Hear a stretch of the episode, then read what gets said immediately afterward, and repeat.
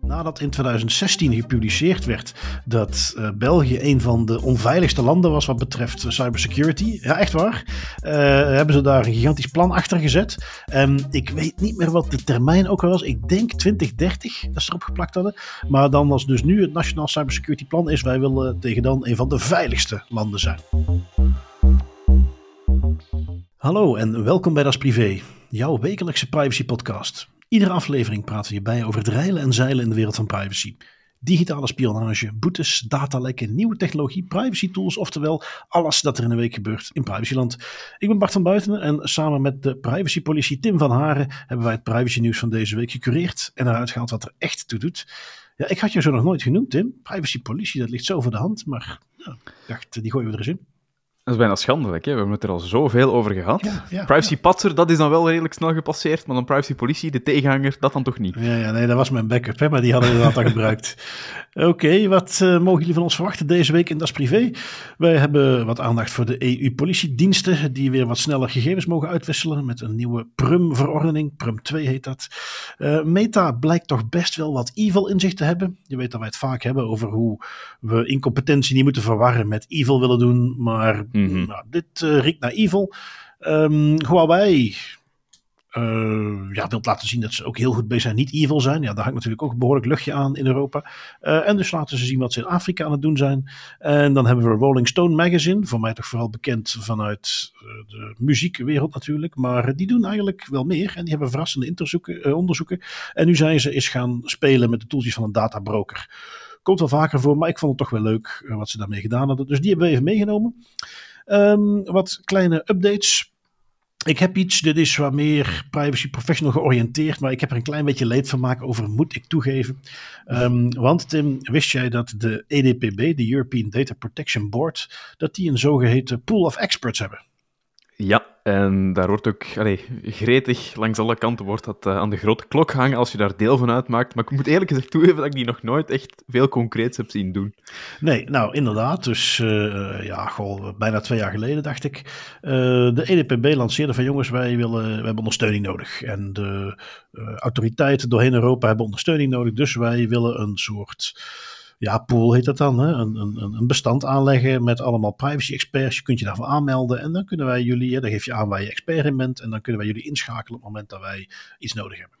Mm -hmm. nou, ik vond dat een ja, leuk, leuk, leuk concept. Um, mijn ervaring, uh, als ik wel eens zelf iets in die hoek heb gedaan, is dat ze je rechtstreeks contacteren. En dan weet je gewoon wie ze moeten hebben. En, en ik zag dus zo'n pool of experts. Ik, ik ik heb er niet op ingediend, um, want ik had zoiets van, ja, daar gaan ze met bakken tegelijk op indienen. Uh, ik, ik, moet nog maar zien wat daarvan komt. Uh, ik moet ook eerlijkheidshalve toegeven, ik had toen ook gewoon geen zin of tijd om die formulier, in te vullen. Dus nou ja, ik heb dat niet gedaan, maar op een gegeven moment zie je dan letterlijk honderden, honderden uh, privacy professionals die posten, ik zit in de pool of experts van de EDPB. Nou ja, top, leuk. Um, ik ben benieuwd wat daarvan komt. Um, mm -hmm. Nou, een van die experts die uh, vond dat ook. Die was ook wel eens benieuwd wat daar nu van komt. En die heeft dus uh, een, uh, ja, dat kan bij Europa natuurlijk ook. Die heeft een openbaarheid van bestuur een verzoekje ingediend. Um, waarbij je dus eens vroeg van ja, hoe, hoe zit dat nou eigenlijk? hoeveel mensen zijn er zoal? hoe vaak heb je er gebruik van gemaakt? nou ja, dat uh, viel redelijk tegen. Um, de pool of experts bestaat uit 486 experts. Hoeveel daarvan, denk je, Tim, hebben al eens een vraag gekregen om iets op te leveren? um, goh, ik zal zeggen minder dan de helft. Optimist. Uh, 12. oh my god. 12. Ja. Oh nee. Ja, ja, ja, dus in die jaren. Oh, uh, what a waste. Ja, inderdaad. Um, oh, trouwens ook gewoon uit uh, interesse heeft ze ook gevraagd van ja, wat krijg je eigenlijk als vergoeding? Um, je krijgt als expert 450 euro per dag. Inclusief reiskosten, als dat eventueel nodig is. Oké, okay. um, dat een eeuwige roem, omdat je zelf deel mag uitmaken van de, de pool of experts, ja. expert pool. Ja, nou ja, kijk, uh, dat klinkt misschien veel, maar voor de meeste mensen gaat dat natuurlijk ook vanuit een firma. En ja, ja. daar moet ik eerlijk gezegd gewoon bij zeggen, 450 euro voor een dag werk, dat is in onze sector niet heel veel. Um, je doet dat inderdaad voor de eeuwige roem. Nu, tussen haakjes, dat zou ik ook doen hoor, als zo'n autoriteit je om expertise vraagt. Maar goed, die autoriteiten hebben dus 486 mensen om uit te kiezen en ze hebben er tot nu toe 12 gebruikt. Dus ja, dat was toch een beetje teleurstellend. Dat, uh, die persoon die heeft daar ook uitgebreid over gepost. Het linkje naar die post heb ik ook in onze show notes staan natuurlijk. En dat vond ik... Um, ik moet toegeven, ik had een tikkeltje leed van maakt toen ik dat zag. uh, en na al die aankondigingen van alle mensen die in de pool of experts zaten. Um, maar dat neemt niet weg dat ik hoop dat die autoriteiten daar wel gebruik van gaan maken. En dat een heleboel van die mensen die daar mee uit kunnen pakken, ook binnenkort uit mogen pakken met het feit dat ze daar eens een keer iets mee hebben kunnen doen. En dat iedereen daar beter van wordt. Dus al dat cynisme ten spijt, ik hoop dat ze er iets mee gaan doen. Um, wat heb ik nog meegenomen? Uh, EncroChat. Uiteraard kennen we die Sky ECC, we kennen ze, de mhm. cryptofoons, de politie die er toegang toe kreeg. Maar wat altijd een beetje onduidelijk was, waar we niet al te veel informatie rond gaf, is ja, maar hoe komen ze nu eigenlijk binnen? En ik uh, zag een postje voorbij komen waarin een rechtszaak die in Engeland nu loopt, of liep, um, gepubliceerd werd. Daar ging hem vooral over in Engeland heb je kennelijk een uh, handeling daaruit, een, een, een, wettelijke verplichting of een uh, wettelijk aspect dat vastlegt. Als jij uh, dingen uit onderschepping hebt, dus je hebt een, een verbinding onderschept, mag je die niet zomaar gebruiken in de rechtszaak. In de discussie ging het dus over de manier hoe die EncroChat gegevens binnen zijn gehaald. Is dat met een soort onderschepping of is dat iets vanuit een, een database of een, een tooltje waar ze het gewoon vanuit een toestel hebben gehaald, maar niet in transit? Een transmission noemen ze het. Um, nou goed, niet heel interessant. De uitkomst van dat verhaal is van nou, uh, hoe de, uh, de Britten dit gebruikt hebben, we zien daar geen probleem, zegt het Hof. Maar wat ik eruit haalde, was wat tekst die ging over um, hoe het nu werkt. Daar hebben ze kopieën van mailtjes, hebben ze ook daarin geplakt in die uitspraak, van de Engelsen die vertelden hoe ze aan het mailen waren met de Fransen. En dan mhm. kunnen we nu voor het eerst eens een keer uithalen van, goh, hoe is dat waarschijnlijk gegaan? Um, en voor EncroChat, hè, want dat wil niet zeggen dat voor bijvoorbeeld Sky ECC op dezelfde manier is gegaan, maar voor EncroChat hebben ze dus gewoon een exploit gevonden op de update server. Nou, dat vond ik een hele interessante. Um, voor de security mensen onder ons, die weten meteen wat je daarmee kunt. Maar het komt erop neer, je kunt hacken kun je op veel manieren doen. Je kunt op een server binnenbreken met kwetsbaarheden. Je kunt op een, een mobiel toestel binnenbreken met kwetsbaarheden in de software. Maar je kunt ook via een omweggetje gaan iedere keer als software een update krijgt, uh, of dat nu ons Windows is of Mac of een stukje software, dan uh, op de achtergrond gaat die software regelmatig vragen aan een update server van hey, is er een nieuw pakketje voor mij? Uh, een update van de software. En dan gaat die server zeggen ja, hier, alsjeblieft. Um, dan kun je dat binnenhalen.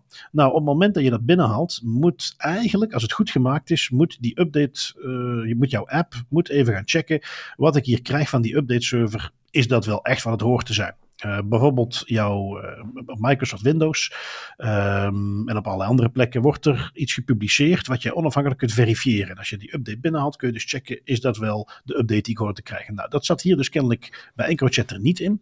En ze hebben dus toegang gekregen tot de update server, hebben daar een uh, implant, een, een, ja, een virus, een, een, aanpassing, een hack kunnen doen. Um, en die hebben ze dan terug laten sturen naar de toestellen van de gebruikers. En op die manier konden ze toegang krijgen. Ze zijn ook aan het bespreken van ja, goh, misschien moeten we, moeten zorgen dat we die implant, dat die dan weer verdwijnt als ze hun toestel herstarten. Um, dus ja, we, dan beschrijven ze van oké, we gaan er dus voor zorgen dat um, op het moment dat iemand uh, een update krijgt, dan wachten we even tot het toestel herstart. Dan halen we dan meteen heel de database binnen, halen we de sleutels binnen. Um, we uh, zorgen vervolgens dat die uh, implant zichzelf weer verwijdert. En dan kunnen ze het niet achterhalen dat wij binnen zijn geweest. Nou, heel leuk om te zien. En dus ja, nu hebben we voor Een beetje meer achtergrond. Het is dus inderdaad in een softwarekwetsbaarheid op een update server, waar de Franse politie vervolgens gebruik heeft kunnen maken uh, om uh, toegang te krijgen tot de chats van uh, de mensen die daarvan gebruik maakten. Nou, vond ik wel leuk om te weten. Ja, is toch ook gewoon prachtig om te zien. Hè? Als je ziet van wat er gebeurt als je competente mensen die goed weten over wat ze bezig zijn, samenbrengt en in een politioneel werk gewoon loslaat.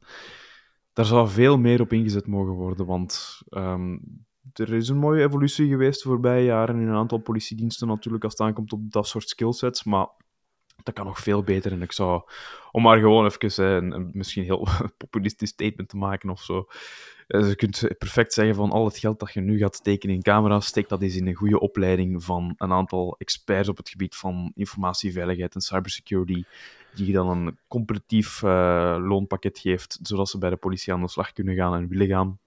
En dan ga je zoveel meer kunnen verzetten in mijn ogen. Ja. Uh, ja, ja, ja, absoluut, absoluut. Dat soort, uh, laten onze budgetten eens goed tegen de loop houden. Waar halen wij nu het meeste uit? Uh, zou, ja, is een efficiëntieoefening die ze zeker eens mogen doen. Um, jij hebt ook nog een updateje meegenomen, want wij hadden het alles gehad over het UWV in Nederland, die via tracking cookies op hun website dan maar eens gingen bepalen of mensen in het buitenland zaten en dan de uitkering stop konden zetten, want dat mag helemaal niet.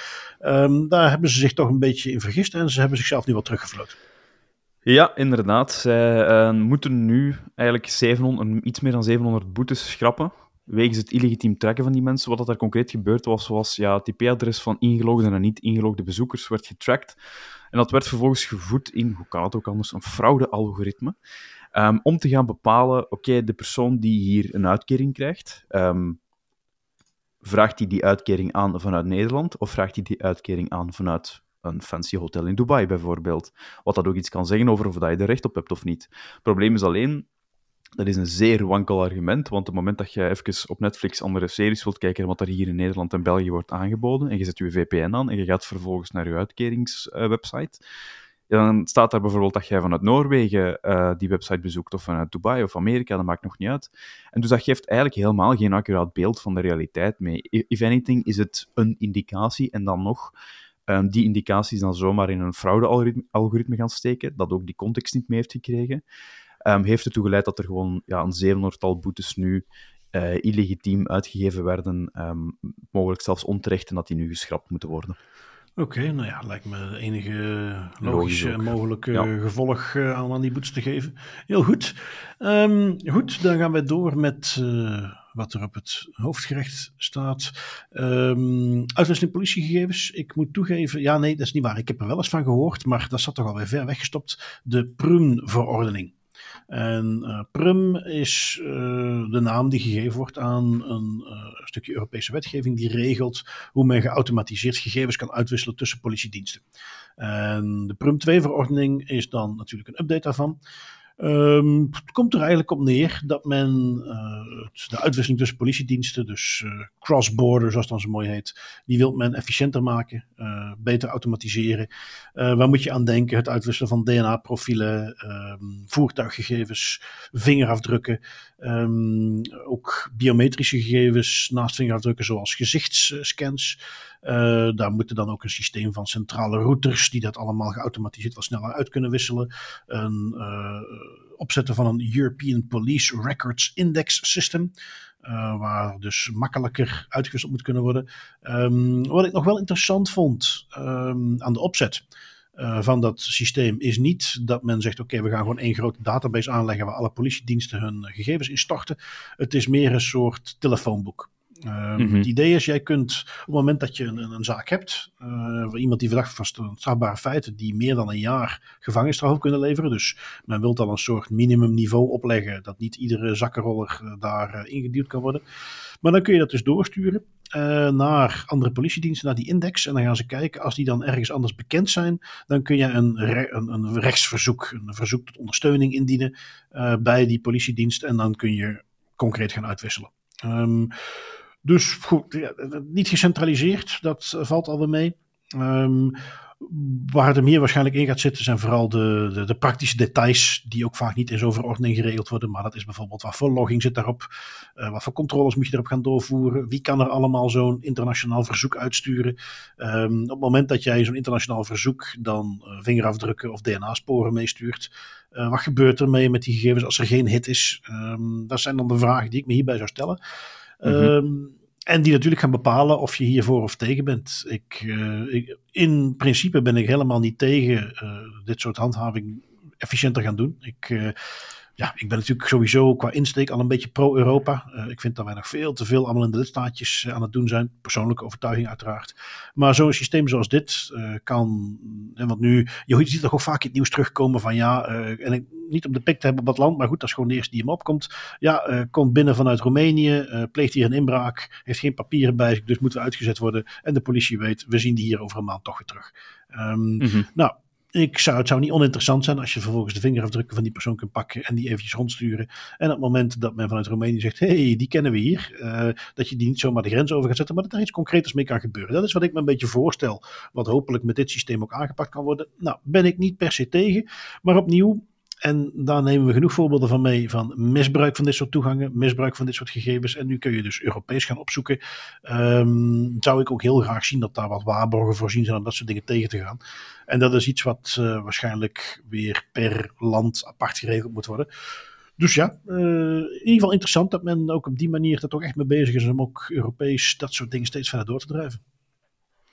Ja, het is, het is net dat wat je zegt, hè, van de technologie aan zich en het idee van we gaan iets vrijer informatie gaan uitwisselen, nota bene informatie over mensen die al in contact zijn gekomen met de politie en waar al een bevestiging is dat die een misdrijf hebben gepleegd, zodat die op zijn minst dat er ja, bevestiging is dat die uh, verdacht worden van het plegen van een misdrijf.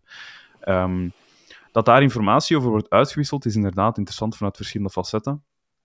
Het probleem is alleen opnieuw, en dat is iets waar dat keer op keer aan gewerkt gaat moeten worden als we dat willen verbeteren, is ja, we gaan de introduceren in organisaties die nog steeds keer op keer blijkt een cultuurprobleem hebben wanneer het aankomt op het omgaan met persoonsgegevens. Die insider threat, um, die is wel effectief reëel. Dat is een reëel risico waar men rekening mee moet houden. En ook als het dan gaat over zo'n telefoonboek, een hele goede metafoor.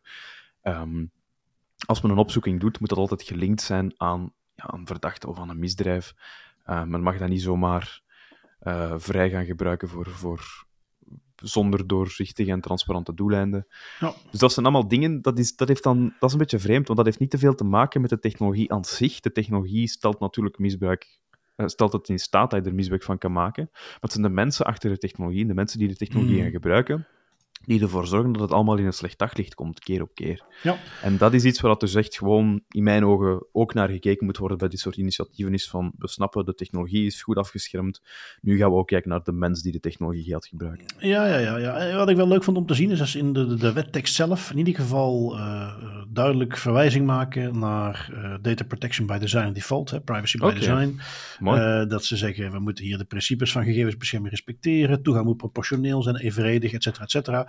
Dus goed dat het er zo in staat, betekent ook meteen weer, als men het op die relatief generieke manier omschrijft, dat het dus weer aan de praktische uh, uitwerking is per lidstaat, of misschien zelfs per politiedienst, uh, om dat goed op te pakken. Enfin, toch interessant. En, en ja, goed, we zien dus wel dat ook daar de basisprincipes van gegevensbescherming zijn weg vinden naar de wetteksten zelf. Um, gaan we over naar een omgeving waar men zelfs privacy by design niet in wetteksten stopt, waar de basisprincipes van gegevensbescherming niet in een overkoepelende wet gegoten zijn. En we hebben het natuurlijk over het land of the free, um, waarbij ze volgens mij vooral free access en free data bedoelen en niet zozeer je bent vrij om te doen waar je zin in hebt. Um, want Meta staat weer eens voor het uh, strafbankje. Um, diverse Amerikaanse staten die uh, dienen aanklachten in tegen Meta. Tientallen Amerikaanse staten om precies te zijn. Dus dit is iets wat wel redelijk breed gedragen is. En wat zij zeggen is dat. Uh, nou ja, we hadden al een tijdje geleden hadden we als meegenomen dat er intern onderzoek was bij Meta zelf. Waar al uitkwam van ja, wij, wij weten eigenlijk dat uh, jonge gebruikers een verhoogd risico hebben op depressie, angststoornissen, slaapstoornissen, uh, invloed op school, dagelijks leven, uh, van de dingen die ze zien op, op Instagram. Mm-hmm. eigen onderzoek wat ze daarna hebben laten doen, wat aangaf dat dat dus een verhoogd risico is. Dat is ook met die klokkenluiders, die, die Francis Haugen had je destijds. Dus er kwamen alle dingen naar buiten dat dat eigenlijk het niet anders kon dan dat Facebook, Instagram zelfs, het hoogste management, Zuckerberg zelf, dat die op de hoogte waren van ja, er zit eigenlijk wel een serieus risico voor de jeugd aan, aan de apps die wij hebben. Um, nou, daar is toen uh, niet genoeg mee gedaan. Uh, maar waar het staartje wat ze er nu aan plakken is van ja, niet alleen weten we dat al, uh, maar daarnaast hebben we nu ook vastgesteld dat Facebook eigenlijk zelf al, of, of Meta moet ik zeggen, want het gaat hier meer om Instagram, dat ze eigenlijk al heel goed wisten dat ze ook nog eens heel veel gebruikers hadden die onder de minimumleeftijd van 13 jaar zaten. Um, zeker al minstens sinds 2019 zou Instagram al meer dan 1,1 miljoen meldingen hebben gehad die een aanleiding waren om ervan uit te gaan, dit is waarschijnlijk een account die gebruikt wordt door iemand die jonger is dan 13 jaar. En waar de nu concreet over gaat, is van ja, daar hebben jullie dus vervolgens gewoon niks aan gedaan. Um, en als je die twee dingen bij elkaar pakt, uh, dat is wat ik ook in mijn introotje bedoelde met uh, dat neigt al wel een beetje naar evil. Aan de ene kant weet je dus als organisatie vanwege je eigen onderzoek, onze tool heeft serieuze issues, um, maatschappelijk, moeten we misschien iets mee gaan doen. Vooral bij jongeren speelt zich dat af. En tegelijkertijd weet je dan vervolgens dat je ook nog eens een, een miljoenen jongeren hebt onder een bepaalde minimumgrens, die ook op je platform zitten. En aan beide van die dingen doe je niks. Ja, dat, dat, dat begint al te neigen naar jij bent gewoon moedwillig je winst en de groei voorop aan het zetten op het welzijn van de mensen en je gebruikers. En dat vind ik best wel triest. Ja, um, dat is ook gewoon triest. Hè. En dat bevestigt. Allee, ergens, ergens vind ik dat een beetje frappant, omdat Facebook, Meta ondertussen, we blijven het zeggen, is dezelfde organisatie die nog niet zo heel lang geleden, een half jaar geleden denk ik, um, volgens mij was dat toen ook in het kader van een, in een, van een onderzoek, vlak af zei van wij hebben eigenlijk absoluut geen idee uh, hoe ver onze data reikt en wat we eigenlijk allemaal hebben binnen de organisatie en wat dat de impact daarvan is. Dat staat eigenlijk haaks tegenover wat dat er hier gezegd wordt in, dat, in die nieuwe uh, documenten die naar buiten komen, een nieuw onderzoek. En problematisch is inderdaad, je zegt het ook al Bart, je zit ondertussen met een organisatie die keer op keer op keer tegen de schenen schopt van iedereen die met privacy bezig is. En dat kan zijn vanuit een individueel perspectief, of dat kan zijn vanuit een ja, toezichthoudend perspectief, of op Europees niveau gewoon op wettelijk perspectief. En in het begin zou je nog kunnen zeggen, inderdaad, van goh ja, het is een organisatie, ze moeten het leren, het is een cultuurprobleem, um, het is een verdienmodel, geef ze tijd. Het wordt stil aan tijd dat we daar eens grondig over gaan nadenken, of dat platformen zoals Meta en Instagram en Facebook, of dat die eigenlijk nog wel een plaats hebben uh, in, in onze samenleving. En ik weet dat dat, dat is een heel bijna filosofische uitspraak op te doen. Hè, van, heeft social media aangeleverd door dat soort bedrijven nog wel een plaats in de samenleving? Maar als je ziet keer op keer dat zij bewust uh, belangrijke informatie achterhouden, die een, informatie over de impact die het heeft op jongeren, op de nieuwe generaties, dan kom je toch al snel tot de conclusie dat dat eigenlijk een organisatie is die ja, geen meerwaarde of geen positieve meerwaarde meer biedt. Waar, waar, kom je als jonge man met een boomer standpunt? uh, ik gebruik al jarenlang geen, bijna geen social media meer, nee, buiten LinkedIn. Nee, nee, nee. Ja, maar het nou, is wel zo. Het is ik, iets van... Allee, eh, ja. Ik moet toegeven, ik zit er iets minder extreem in.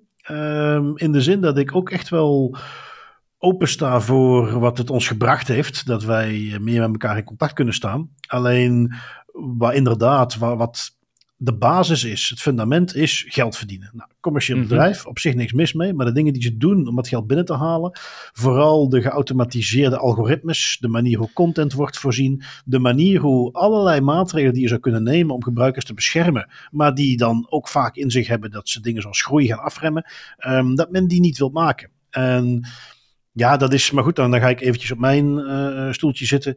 Um, daar zie ik dus dat uh, er een niveau is. Ik ben geen uh, liberaal wat dat betreft. Er zijn gewoon dingen waar je bedrijven, waar je de markt, waar je als mensen het helemaal zelf mogen uitmaken, zelfregulering, maar dat gewoon niet werkt. Omdat mhm. de keuze is tussen doen wat goed is voor de maatschappij, wat betekent dat we er zelf minder goed van worden, want dat gaat minder geld opleveren. En ja, als je een bedrijf hebt wat volledig gestuurd is door geld verdienen, aandeelhouders, uh, profit, groei, groei, groei. Ja, dat staat gewoon haaks op het eh, welzijn van de maatschappij in heel veel gevallen. En ja, daar kunnen we filosofisch slecht vinden. Uh, we kunnen ze evil noemen. Maar we moeten dat gewoon beseffen. Dat is gewoon zo. Dat gaat altijd zo zijn. En dus moeten we dat aan banden gaan leggen. Nou, helemaal opheffen, dat hoeft voor mij niet. Maar dingen zoals, zet dat stomme algoritme eens uit. Maak het optioneel. Bouw daar bepaalde safety features in. Um, laat mensen vanaf een bepaalde leeftijd. Er zijn heel veel dingen die je zou kunnen doen. Reporting functies die nog niet goed werken, die nog niet goed opgevolgd worden. Er zijn gewoon heel veel dingen die je beter zou kunnen doen. Um, het wordt wat mij betreft ook wel tijd dat ze eens een keer met dwang gestimuleerd worden om daar eens naar te gaan kijken en daar even wat effort in te stoppen. En eventjes de focus te verleggen van pure groei en omzetgroei. Ja, en, en oké, nu ga ik iets doen wat, dat, wat we eigenlijk altijd uh, van zeggen dat dat niet kan, maar denk aan de kinderen. Dat is, het, dat, is, dat is het argument dat ik hier vooral hanteer eh, als ik het heb over mijn, mijn boomerperspectief. Want ja, het is inderdaad wel een boomerperspectief. Maar het is heel simpel van... Um, er is onderzoek na onderzoek na onderzoek dat uitwijst dat het gebruik van social media, uiteraard heeft dat ook een positief impact en kunnen we er beter mee communiceren. Maar het heeft ook heel veel negatieve kanten die we nog niet opgelost krijgen. Informatiebubbels, uh, radicalisering, het versterken van informatie die, die negatief is. Een gemiddelde volwassen persoon gaat er al heel lastig mee om. Laat staan een kind van 13 jaar, wiens brein nog niet volledig ontwikkeld is en, en dus op een ja, volledig verkeerde manier nu te maken krijgt met social media. Um, social media kan goed werken. Het is alleen de incentives die nu in de industrie zitten ingebakken, zorgen er in mijn ogen voor dat het op de verkeerde manier in hmm. elkaar zit. En dat is inderdaad, ja, dan komen we inderdaad bij het idee van, die, omdat de incentives, namelijk het, het financieel is het zeer interessant, om, om, zoals dat we nu te werk gaan, te werk te gaan. Omdat die incentives er zijn, moeten we inderdaad eens gaan kijken naar een andere manier om meer dwangmatig te gaan uh, bepaalde wijzigingen toebrengen aan die social media platforms. Uh, voor de duidelijkheid, dat zijn dingen die in allerlei Europese hervormingen, zoals de Digital Services Act, uh, ja, voor een deel al inbegrepen zitten, die nu uitgerold worden. Dus dat, is, ja, dat wordt heel interessant te volgen wat dat de komende jaren gaat betekenen. Ik kan je één ding, ik ga je nu iets, iets waanzinnigs, ongelooflijks profetisch zeggen. Het is ongelooflijk hoe dat kan voorspellen. Ik voorspel heel veel boetes. Laat ons hopen. En ook boetes die iets uitmaken dan, want dat is natuurlijk altijd de vraag bij dat soort Doe me denken, als nog een heel klein uitstapje, een artikeltje wat ik niet zo heel lang geleden las van iemand die het had over dit soort wetgeving. En die dan uh, met droge ogen beweerde van ja, dat is gewoon eigenlijk een, een uitvinding vanuit Europa om extra belasting te kunnen heffen op Amerikaanse bedrijven. ja, dat vond ik wel heel erg treurig. Ik uh, bedoel, ja, uh, kijk, dat er uh, ja. onderaan de streep hmm. geld gaat vloeien omdat, ze, omdat er boetes uitgeschreven worden. Ja, dat dat het hele doel van die wetgeving is, dat vond ik zo triest. Daar was dan Netquesties, geloof ik, netquesties.nl, echt geen Peter Olsthoorn, een redelijk bekende journalist, schrijver. en dat vond ik zo'n goedkoop standpunt. Maar goed, um, we gaan even door, want het gaat niet alleen maar in Amerika grondig fout af en toe. Uh, ook in Afrika. Ik weet trouwens niet uh, of het hier helemaal fout ging. Ik weet wel, je hebt het meegegeven, het is jouw artikeltje, dat Huawei te koop loopt met de fantastische positieve effecten die ze in Afrika hebben bewerkstelligd. Uh, maar daar vallen misschien wat kanttekeningen bij te plaatsen. Ja, het is, het is niet per se dat er... Wel, er zijn wel een aantal dingen die fout lopen, dat absoluut wel. Um, alleen in dit geval gaat het vooral over de uitrol van surveillance technologie in uh, landen zoals in Kenia en in steden zoals Nairobi, uh, Mombasa en dergelijke. Um, waar men vooral gaat kijken naar in het artikel dat ik heb meegenomen van Coda Story, wat dat trouwens een best interessante groep van journalisten is, die ook een beetje meer naar het soort topics waar wij naar kijken uh, over schrijven. Dus dat is ook zeker een aanrader. Maar die hebben eigenlijk onder de loep genomen de evolutie en de implementatie van Huawei, uh, cameranetwerken en smart city frameworks, zoals ze dat dan zelf noemen, um, in Afrikaanse landen zoals Kenia. Um, waar ze dan specifiek zijn gaan inzoomen op uh, Nairobi en Mombasa. Toch twee, twee grote steden in Kenia. Um, waar aan de ene kant zeggen ze van ja, die, die steden en die overheden lo lokaal die kampen met een gigantisch criminaliteitsprobleem en ook in bepaalde gevallen, in bepaalde regio's, een terreurprobleem. En een van de manieren om dat op te lossen, zeer hard gestimuleerd en geduwd door China, is het plaatsen van een lappendeken aan uh, cameranetwerken in die steden. Surveillance technologie eigenlijk.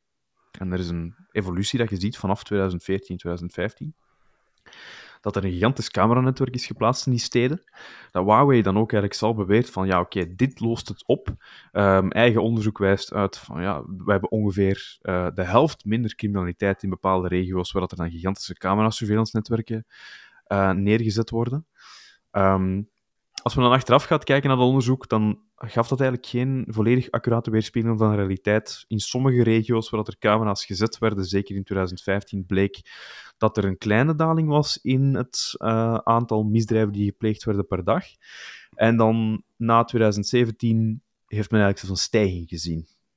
Voordat men, uh, op het moment dat die camera's, nadat die camera's geplaatst werden. Dus ja, het argument, die camera's die werken, het Smart City uh, concept zoals dat Huawei dat eigenlijk nu aanbiedt in een aantal landen in Afrika, uh, naast Kenia doen ze dat ook in Egypte bijvoorbeeld, dat valt wel in het water. Uh, maar ondertussen staan die camera's daar wel. Dat um, zijn camera's, ook zeker daar de lokale wetgeving, die is helemaal niet toereikend. Dus die camera's die staan overal op gericht. Um, er is zeer weinig transparantie over wie dat daar toegang toe heeft, wat daar mee gedaan wordt concreet. Um, en dat roept een andere zorg op, namelijk als een heel groot deel van je surveillance-netwerk dat misschien ergens een kleine positieve impact kan hebben op de criminaliteitscijfers en de terreur. Um, als dat allemaal aangeleverd wordt door Huawei, net zoals dat in de Verenigde Staten en in Europa um, een terecht punt van bezorgdheid is, je zit met een bedrijf waar China als natiestaat ook een steek heeft en ook wel invloed over heeft. En dat heeft men bijvoorbeeld gezien Ehm, de Franse krant Le Monde die heeft in 2018 een onderzoek uitgevoerd waar ze zijn gaan kijken naar de uitrol van Chinese technologie in Afrikaanse landen. Hier was het niet Kenia, maar hier was het um, in ik moet even kijken, ik weet niet exact welk land het is, maar het is al sinds in de stad Addis Ababa.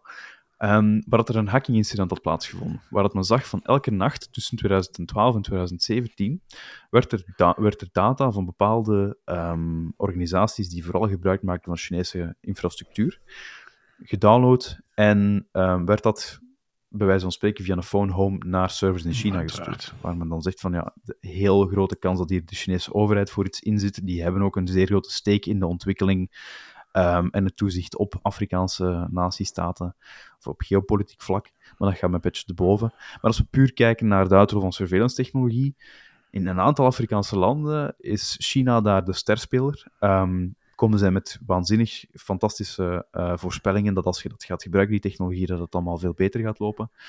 En uiteindelijk blijkt dat dat één niet zo is, en twee dat het een reëel risico vormt voor de organisaties en voor het land zelf, dat zij nu onder stelselmatig toezicht vallen van een andere natiestaat. Ja, prachtig. En als je dan um, de publicatie van Huawei zelf gaat bekijken op een website, ja, dat is, dat is, ik vind dat bijna hallucinant, omdat ze dan echt gaan verwijzen naar ja, zoals je in de film Mission Impossible Ghost Protocol hebt gezien, of uh, verwijzen ze daar even verderop, ja, zoals je in de serie Person of Interest ziet. Dus ze verwijzen echt naar Hollywood dingetje, om te zeggen, kijk, dat doet onze technologie ook, notabene alsof het dat iets goeds is. Hè? Dan zie je trouwens ook, dat vind ik wel in die zin een leuke culture clash. Um, wij lezen dat en we denken van, wat klinkt dat als een nachtmerrie? De, degene die het vanuit waar wij heeft geschreven, dan ja, wellicht ook iemand met Chinese roots, um, die, zit dat, die denkt dat hij een utopie aan beschrijven is. Hè? Van, kijk, alles wordt continu in de gaten ja, ja, houden, absoluut. dus iedereen is veilig. Um, en ja, dan, dan zie je hè, Addis Ababa, dat is in uh, Ethiopië, um, ja, een land waar ik me goed kan voorstellen dat, dat dingen zoals privacy daar nog iets minder op de agenda staan. Uh, maar dat uh, ook vanuit politici de belofte van veiligheid altijd leuk klinkt. En dat, dan, dan zie je waar wij misschien daarnet die eh, ontwikkeling van technologie en uh, de, de, de nood aan, aan, privacy, dat dit wat meer gelijk, gelijk is opgekomen en dat we die wat beter kunnen balanceren. Terwijl je in dat soort regio's nu ziet dat technologie, die is er nu al, die wordt aangeleverd, die wordt door, door China heel goedkoop aangeleverd, wordt waarschijnlijk zelfs op allerlei manieren gesubsidieerd. Maar er zit een andere besef, de, de, de, de, laten we zeggen, de duistere kant van die dingen, die, die wordt niet meegenomen. Um, en, en voor je het dus weet, als dat nu hè, lekker gesubsidieerd wordt, dan uitgerold. En we zijn straks 10, 20 jaar verder. Op een gegeven moment uh, gaat men daar wel eens wat verder kijken. En, en dan zie je dat die technologie al 10, 20 jaar in gebruik is. En dan wordt het steeds moeilijker om dat tegen te gaan. Um, dat vind ik wel een serieus risico als je ziet hoe dat dus nu uitgerold wordt in die landen. Um, ja, en uh, hoe ze dat gaat ontwikkelen, dat is uh, interessant, zullen we maar zeggen. Ja, ja wij, allee, wij zitten met hetzelfde, dezelfde problematiek. Dat wij, en, en ook de VS vooral. Um, was een jaar geleden was er redelijk veel om te doen, ook in Congress, dat men op een bepaald moment zegt van oké, ja, um, importband voor bepaalde producten uit China. Um, de helft van onze netwerkinfrastructuur bij sommige publieke overheden draait op infrastructuur aangeleverd door onder andere Huawei. Ja, begin maar met dat allemaal uit te faseren en dat een ander product in dienst te gaan nemen. Dat is, heel, dat is helemaal niet zo gemakkelijk, eens dat dat inderdaad ingebakken zit. En daarnaast, Zeker in de Afrikaanse landen, ja, oké, dat is zo. Die hebben andere katten te geestelen dan dat ze zich moeten bezighouden met privacy in sommige gevallen. Dat is zeker waar. Um, maar dan nog, daar zijn ook andere bezorgdheden die spelen als het gaat over bijvoorbeeld die camera in het netwerk die, die uh, uitgerold worden. Hè. Dat er een Huawei-camera ergens op een marktplaats staat in Nairobi, is misschien niet de grootste zorg, maar diezelfde camera's en diezelfde surveillance-infrastructuur wordt ook gebruikt en wordt ook gretig uitgerold binnen uh, overheidsgebouwen, binnen politiekantoren, binnen militaire zones. En dat is natuurlijk wel interessant als je zegt van oké, als, als China als natiestaand zijnde, je hebt bij wijze van spreken, dat is altijd natuurlijk dat valt altijd te zien. Dit is een beetje speculatie in hoeverre dat zij daar echt controle over hebben. Maar ik ga er wel vanuit van wel. Um, als jij zegt, ik heb een volledig eyes in the sky perspectief van bijna 80% van alle overheidsinfrastructuur in Kenia, in Nairobi en Mombasa, dat is zeer interessant, hè?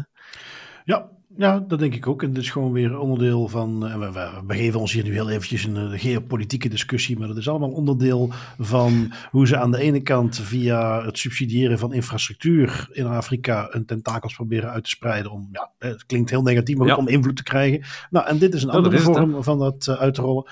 Heel interessant. Ik wil trouwens mezelf in die zin een klein beetje nuanceren. Um, met te zeggen dat ook in uh, heel veel Afrikaanse landen men bijvoorbeeld ook gegevensbeschermingswetgeving geïnspireerd door de GDPR aanneemt dat daar ook autoriteiten zijn. Dus het is echt niet alsof het daar alleen maar Wild Westen is, maar er zijn landen waar dat absoluut nog wel zo is. En ik denk dat Ethiopië daar uh, onder valt. Um, Zeker, om maar te zeggen, um, Kenia bijvoorbeeld heeft ook een nationale cybersecurity-strategie. Iets wat wij in België zelfs nog niet hebben, zou ik, eh, want dat moet er nu binnenkort komen met NIS 2. Um, ehm, maar volgens mij hebben wij dat nog niet echt. Of jawel, jawel, jawel, ja, dat hebben we nu wel. Ja, sterker nog, nadat in 2016 gepubliceerd werd dat uh, België een van de onveiligste landen was wat betreft cybersecurity, ja, echt waar, uh, hebben ze daar een gigantisch plan achter gezet. Dat is juist. En ik weet niet meer wat de termijn ook al was. Ik denk 2030 dat ze erop geplakt hadden. Maar dan was dus nu het Nationaal Cybersecurity Plan is, wij willen tegen dan een van de veiligste landen zijn. Dus daar, uh, de, de, de Cybersecurity ah. Coalition en het CCB, eh, die zijn ook daar rond opgericht. Dus nee, nee, daar zit zeker wel een hele strategie achter. Um, ah, oké. Okay. I stand corrected. Ik dacht altijd dat, het, dat er een plan was van oké, we willen dat gaan aanpakken, maar dat er nog niet echt concreet dingen mee uitgevoerd worden, behalve de oprichting van het CCB, als dan inderdaad ja, uw, uw, uw en uw toezichthouder nu onder de... Onder nee, nee, nee, nee, nee, dat wel, dat wel. Um, cool. Maar goed, ik, ik, denk niet dat ik iets uh, vreemd zeg als ik zeg dat, dat, ja, dat men daar op een aantal uh, landen in Afrika waarschijnlijk niet op datzelfde niveau zit. En opnieuw, uh, vooral nee, nee, nee. het risico dus, ook. nu krijg je dan wel die invloed van allerlei mooie biometrische scanning, hou iedereen in de gaten, nothing to hide technologie. Um, ja, iets, weet je, wie weet, als wij over 10, 15 jaar deze podcast nog steeds doen, dan kunnen we eens een keer reflecteren van, nou kijk, dat is hoe we er toen naar keken en wat is ondertussen de realiteit. Ja. Um, waarbij ik moet ik eerlijk toegeven, verwacht dat we gaan zien. Ja, dat is redelijk zo gelopen zoals wij toen dachten. En waarbij ik hoop dat wij dan volledig gecorrigeerd moeten zeggen van ah, ah, ah, nee, nee, dat hebben ze helemaal onder controle gekregen. Ik vrees ervoor. En we springen dan gewoon even door naar Amerika om daar nog zo'n kleine uitloper van uh, mee te nemen. Um, qua type onderzoek niet helemaal uniek. Het is te zeggen, wij hebben zulke soort dingen al vaker meegenomen. Dat een journalist eens een keer losgaat in een, een databroker. Maar dat neemt niet weg dat het leuk blijft om die mee te nemen. Uh, dit was dus Rolling Stone Magazine. Um, wat maakt dit weer wel extra interessant? Ze zoeken allemaal hun hoek om uh, het feit dat zij met een databroker spelen toch weer een beetje interessant maken. Wel, ze zijn gaan kijken of ze zijn die data gaan inzetten op Mar-a-Lago. Het uh, buitenverblijfje, hm. uh, zoals hij het zelf noemt, zijn Zuiderse Witte Huis. Nou ja, destijds noemde zijn Zuiderse Witte Huis. Um, waar gaat het over? Het gaat om het bedrijfje Neer. Um, Neer, zoals ik zal gewoon even de quote van hun website geven. Neer is the leading provider of privacy-safe global consumer behavior data to enable actionable insights for business decisions. Nou, dat klinkt, uh, ik bedoel, privacy safe. Dat moet toch wel goed zijn. Uh, voor de rest geven ze ook nog aan. Near's data is delivered in a privacy first and consent-led approach. Uh, dus ja, er is toestemming verkregen. Interesting. Um, nou ja, je, je, weet hoe dat gaat natuurlijk. Dat is uh, zeker in Amerika. Dat is de toestemming in de zin van ergens weggemoffeld in de uh, 536e lijn van de duizend regelstellende terms and conditions. Um, Komt erop neer, daar zijn ze mee gaan spelen. Neer heeft dus weer gewoon gigantisch veel data, locatiedata, uh, tracking van waar komt iemand vandaan. Het idee is vooral retail kan dan daar data kopen en kunnen hun eigen klantendata die ze hebben linken aan de data van Neer. En dan kunnen ze bijvoorbeeld gaan bekijken waar komen onze klanten vandaan, kunnen we onze marketing beter gaan doen. Nog redelijk onschuldig. Um, Rolling Stone is daar dan eens even bij losgegaan. Die geven ook al aan van ja, dit, moet ik toch toegeven, dit verbaasde ons een beetje. Wij moeten gewoon eventjes een account aanmaken. Dan tikken we het adres van Mar-a-Lago in, we drukken op een knopje. En een paar minuten later krijgen wij netjes een rapport waar de duizenden bezoekers die daar op Trump's club zijn geweest het afgelopen jaar uh, laat zien. Uh, details met waar ze waarschijnlijk wonen, werken, leeftijden, inkomen, etniciteiten zelfs. Hè. Dit is Amerika tenslotte, dan mag dat.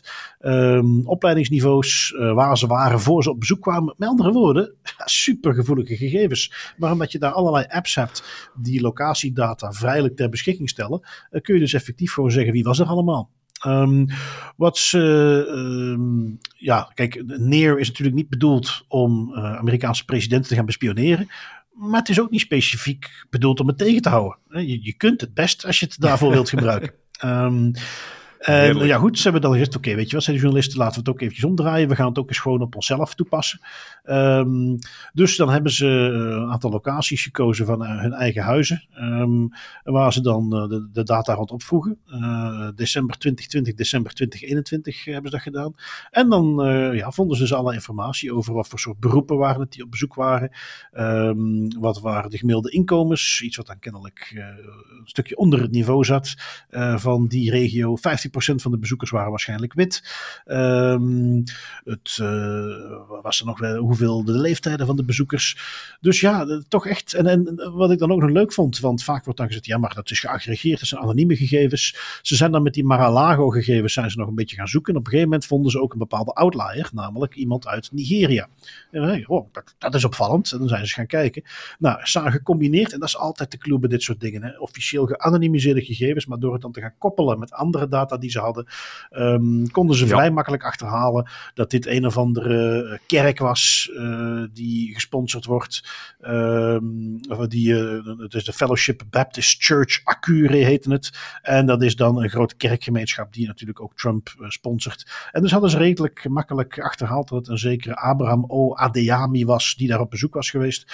Um, dus ja, zo anoniem was het dan niet. en ja, dus ik zeg het al, niet uniek qua insteek, maar wel gewoon weer leuk. De concrete voorbeeldjes die ze vinden. Hoeveel je kunt doen met die data. En wat we dus zien in een klassiek thank God for GDPR momentje. Wat er allemaal mogelijk is als dat soort regelgeving er niet is. Altijd heel fijn om te zien dat men zo het idee van een databroker en concreet wat je ermee kunt doen, dat men dat echt wel wat specifieker kan maken op de man af, bij wijze van spreken. Ik vind het ook geweldig. ik moest, me, moest mezelf weer een beetje inlachen. Een beetje inhouden om niet, niet te hard te lachen. Maar die disclaimer van eh, Near isn't set up to spy on US president, current or former. Dat doet me zo meteen denken van, if it looks like a duck, swims like a duck and quacks like a duck, it probably is a duck. Het is niet omdat, je het, omdat het er niet voor is opgezet dat je het niet kunt doen. Ja. En het feit dat die disclaimer erin staat, geeft ook al heel veel mee over de, de Ja, mensen ja, achter hier, dat ze zelf goed genoeg weten van, is- ja, oké, wat dat we hier doen is Het is is niet voor tricky. niks dat uh, inlichtingendiensten zoals de NSC ook bij dit soort bedrijven hun data inkopen. Sowieso. Dat is ook effectief iets wat dat in documenten naar buiten is gekomen, die publiek zijn gemaakt. Eh, ik, volgens mij was het de FBI, dat zij op een bepaald moment zeggen van het is economischer om data bij databrokers te gaan inkopen, dan zelf surveillance-strategieën te gaan bedenken en te gaan uitrollen. Want die databrokers die hebben zodanig veel informatie dat we daar vaak al voldoende mee hebben om onze targets eh, voldoende ja, in kaart te in brengen. Dat al heel diezelfde discussie die we daar toen over hadden, dat ik ook staatsveiligheid meegaf om zelfs een appje te gaan maken, eh, wat het misschien eh, zou oplossen. Ja, ja, voilà. Dus ja, dat zegt ook al heel veel. Zelfs de FBI zegt van, jongens, die doen dat heel goed. We gaan daar naartoe. Ehm, dus ja, interessant onderzoekje. eh, uiteraard voor de liefhebbers te lezen via de show notes. Ehm, wat hebben we nog meegenomen? Ehm, misbruik maken van de onzekerheid van mensen. Werkt altijd. Ik weet niet of jij. Mhm. Oh jee, oh jee. eh, Daar gaan we weer met een aflevering van Opa vertelt. Eh, hoeveel heb jij MSN Messenger gebruikt? Oeh, ik denk niet dat ik dat ooit gebruikt heb, moet ik toegeven. Dat, dat Nee. was. Dat, dat was, dat was net, net op de valreep heb ik dat niet gebruikt. Denk, ja, dat zou goed kunnen. En daarvoor had je ICQ. En dan had je altijd de klassieker. Mensen kunnen jou blokkeren. En dan lijken ze gewoon offline. En ja, heeft hij me nou geblokkeerd? Of, of eh, is hij gewoon echt offline? En ja, die onzekerheid. Ehm, nou, je kon dan eh, appjes kopen. Toen was het nog gewoon, oké, je koopt een appje. En dan kun je gaan zien Mhm. wie jou geblokkeerd heeft. Nou, was natuurlijk bullshit. Dat kon je helemaal niet zien. Die functie bestaat gewoon niet. Maar mensen wilden dat zo graag weten dat dat een verdienmodel was. Nou, dat bestaat nu nog steeds. Wauw. Ehm, en, eh, maar nu zit het wat meer in de context van Facebook Messenger, van Instagram. Ehm, en je hebt dus apps, dat heet dan Wrapped apps. En je kent Wrapped wel ook wel, wij gebruiken dat ook wel eens. Spotify heeft ook zo Wrapped. En dan komen ze ieder jaar met hun statistieken. Hè? Hoeveel mensen hebben jouw aflevering geluisterd en al die dingen. Altijd wel ja, leuk. ja. Een jaar nou, je kunt dus ook specifieke appjes uh, gebruiken om dat bijvoorbeeld op je Instagram ook toe te passen. En dan krijg je, dan beloven ze dus ook dat ze jou gaan vertellen wie heeft jou geblokkeerd, hoe vaak bezoekt men jouw profiel. Um, de variatie die we dan in deze tijd zien is dat je niet meer moet betalen voor die app, maar dat men gewoon vraagt om eventjes, uh, je kent dat wel als je in Twitter zit en je wilt een bepaalde dienst laten integreren met Twitter, omdat je berichtjes wat laten verwijderen of iets anders. Um, nou, dan geef je ze als het ware toegang tot je Twitter-account. Je logt dan in met je gegevens en dan krijg je toegang tot bepaalde gegevens. Nou, je voelt al komen waar dit heen mhm. gaat. Um, die uh, wrapped appjes, die sleuren dan vervolgens al jouw data binnen. En die gaan dat weer gewoon in hun uh, nou ja, bedrijven zoals Neer uh, misschien, gaan dat dan gewoon weer verkopen. Um, ja, de klassieker dus. Inspelen op onzekerheid van mensen. Willen weten wie heeft mij geblokkeerd. Dat soort ach informatie achterhalen. Nu dan niet meer voor geld, maar gewoon uh, met je gegevens die je dan vrijgeeft. Um, en het werkt. Pervers. Dat is het woord dat meteen mij opkomt als ik dit hoor. Dat is zo, zo inspelen op de onzekerheid van mensen, om hen dan ook te overtuigen om data vrij te geven. Ja, uh, maar het is, het is de, de, de klassieker. Het is uiteindelijk wat, wat marketingland, uh, laten we zeggen, de, de, de nasty oh, ja. mensen in marketingland al, al heel vaak doen. Hè? Inspelen op mensen hun onzekerheden. Daarom dat wij nu nog steeds op de dag van vandaag heel weinig, hè, pak eventjes de doorsnee uh, Gillette reclame van een man. Ja, daar staat niet iemand met mijn, wat laten we zeggen, molligere lichaam op. Nee, daar staat een Adonis waar je de sixpack uit kunt tekenen. ja, dat is niet omdat ze denken van, oh, dat, dat, dat inspireert mensen op de goede manier. Dat is omdat ze dan denken van, oh ja, als ik me scheer met Gillette, dan zie ik eruit zoals die man. Um, nou ja, goed, de, de, om maar te zeggen, dat principe, ja, dat zit op zoveel plekken in, in, in marketing en reclame en in beïnvloeding. Ja, dat is waar, klopt. Dus ja, dat, ja. dat zien we nu ook hier terug. Uh, niet verbazend, maar ook weer de gigantische open deur. Dan wordt je natuurlijk jouw account helemaal leeggetrokken van data. In het beste geval. Um, en ja, uh, dat is privé, dat is beter. Gelieve dat soort dingen niet te installeren. Nee. Um, goed, um, ja, voor de rest hebben we Noip die nog even de revue passeert. Noip kan een Noip, want waar gaan ze een nieuwe klacht tegen indienen, Tim? Ja, het zat eraan te komen. Heel geen shocker hier, maar zij gaan ook een klacht indienen tegen Meta voor het pay or OK model. Dus het idee dat jij nu, nadat er een aantal klachten waren geweest en een aantal processen zijn behandeld, uh, is Meta zogezegd in een hoekje geduwd en zeggen ze: fine, oké, okay, um, niks werkt. We kunnen ons niet baseren op een wettelijke basis op de voorgaande manier. Dus we gaan nu vragen, ofwel betaal je voor het gebruik van onze dienst en dan gaan we jou niet tracken of gaan we jou toch minder tracken. Ofwel zeg je, fijn, um, ik maak gratis gebruik van de dienst en als tegenprestatie mogen jullie mij tracken en mogen jullie mij eigenlijk gepersonaliseerde advertenties aanbieden. Dat is het hele concept van het pay-or-OK-model. Um, ik heb daar zelf heel zware bedenkingen bij of dat het effectief wel stand gaat houden met alles wat we nu al weten over het geven van vrije toestemming en dergelijke. None of your business, ja, die hebben dat uiteraard ook diezelfde mening en die zijn nu ook effectief terug uh, een klacht gaan indienen bij de Oostenrijkse Data Protection Authority, die dat naar alle verwachtingen toch wel terug zal doorspelen naar het Hof van Justitie van de Europese Unie. Het probleem is alleen, ja, ze zijn misschien weer al vertrokken voor een paar jaar, maar ik verwacht dus dat dat binnen een drie, vier, vijf jaar misschien uh, toch terug een behandeling overkomt en een uitspraak overkomt. Dat gezegd zijnde, concreet om nog even mee te geven wat dan mijn bedenkingen daarbij zijn. Wel, um, we hebben het al een aantal keer behandeld, maar ja, uw toestemming, namelijk ja, ik ga ermee akkoord dat mijn gegevens verwerkt worden, ik maak gebruik van de dienst en in ruil daarvoor uh, geef ik de toestemming dat jullie um, mij kunnen tracken.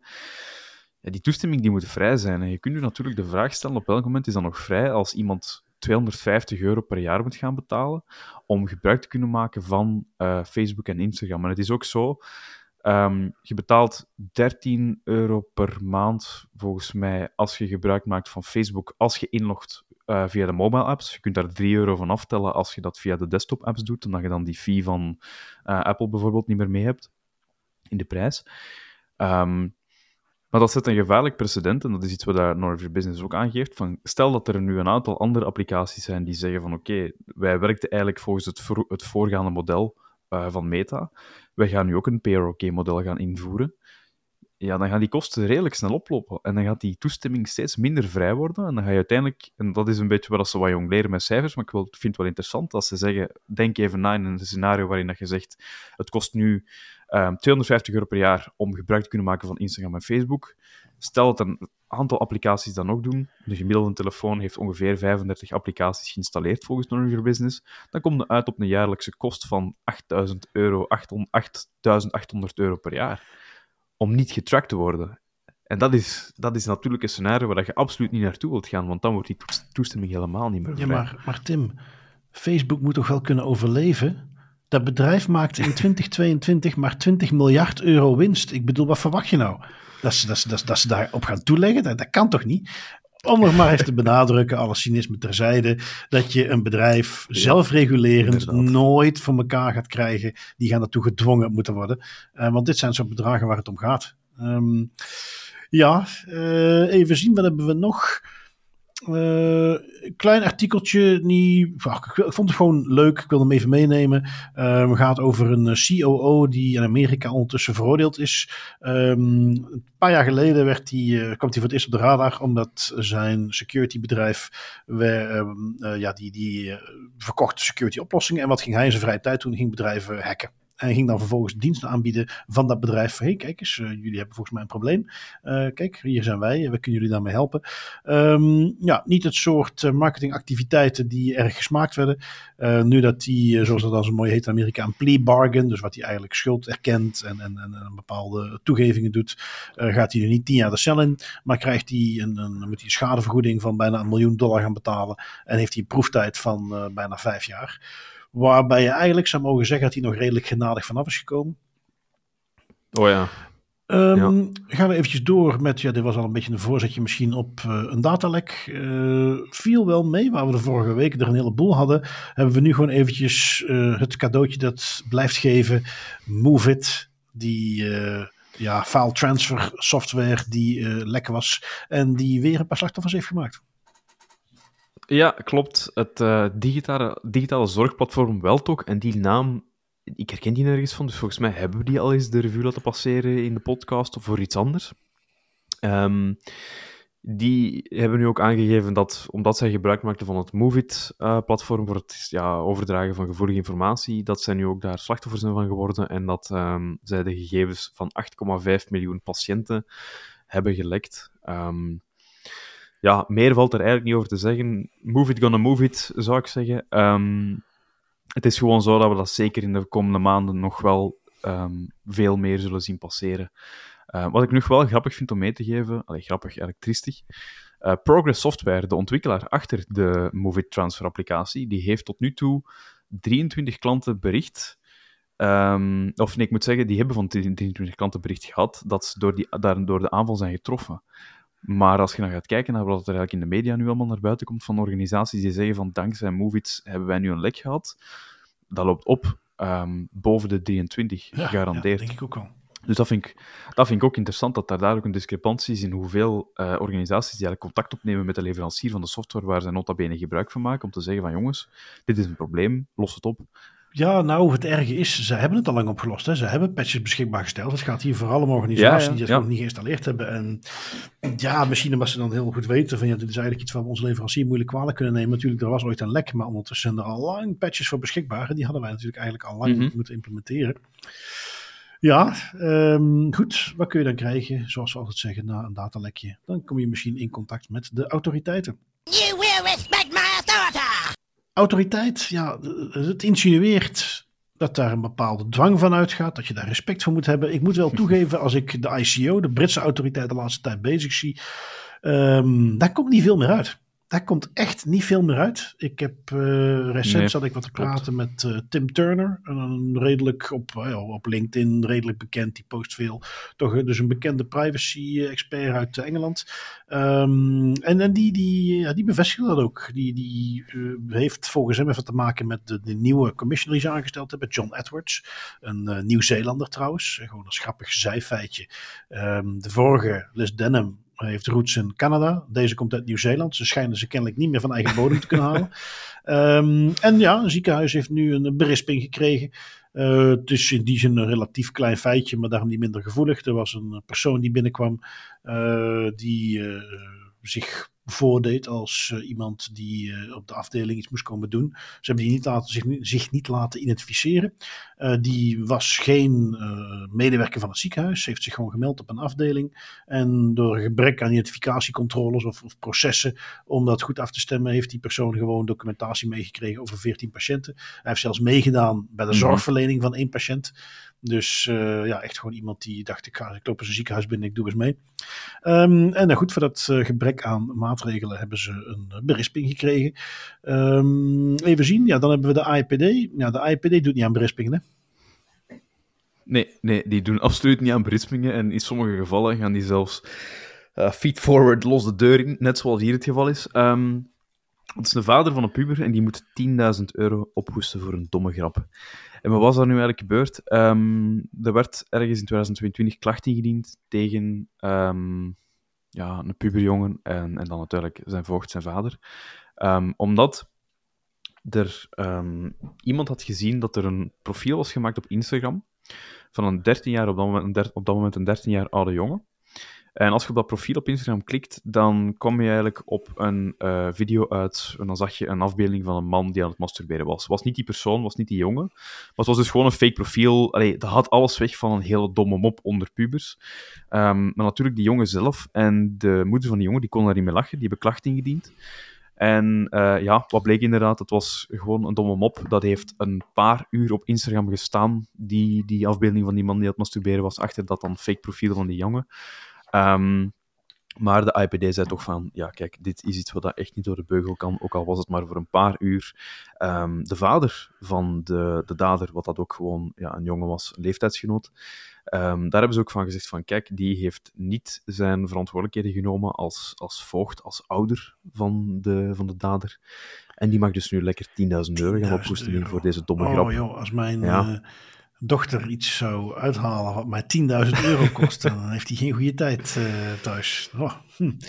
Ja, ik vind dat, ik vind dat allee, de IPD, je mocht ervan zeggen wat je wilt, maar um, gegevensbescherming en privacy wordt op die manier wel een heel serieus Ja, en je ziet, dat vind ik dan ook het, het, het, mooie, dat dat gaat van een individu wat de boel... Uh, ja, wat ja. gewoon slecht omgaat, die slecht omgaat met gegevens, tot grotere bedrijven. Zoals degene die ik heb meegenomen van de IPD. 72.000 euro boete. Dus dat is toch weer een iets andere orde van grootte. Uh, het, was, het gaat hier om een, een school. Uh, om precies te zijn, die Euro College Oxford English Institute. Maar toch echt gevestigd in Spanje. En die hadden dan weer een of andere samenwerking met een uh, ja, Centro de Estudios Aeronauticos. Uh, in ieder geval, wat gaat het hier over is dat die, zodra je daar binnen wilde komen bij die school, werd jou gevraagd om een medisch onderzoek te laten doen, om het uitrusting van je strafregister mee te nemen. Iets wat natuurlijk zwaar buitenproportioneel is. En daar hebben ze 72.000 euro boete voor gekregen. Um, gaan we even door naar de Oostenrijkse autoriteit. Um, het makkelijkste hier is om gewoon eventjes de, de quotes mee te geven. Uh, waar gaat het om? Iets wat we recent al wel eens vaker voorbij hebben zien komen. Um, review sites over medische professionals. Hè. Dus heb je een online site, uh, net zoals Trustpilot. Uh, zie het van mij pad als een TripAdvisor, maar dan voor medische professionals. Um, en goed, daar was dus iemand die was bij een dokter geweest en die gaf de...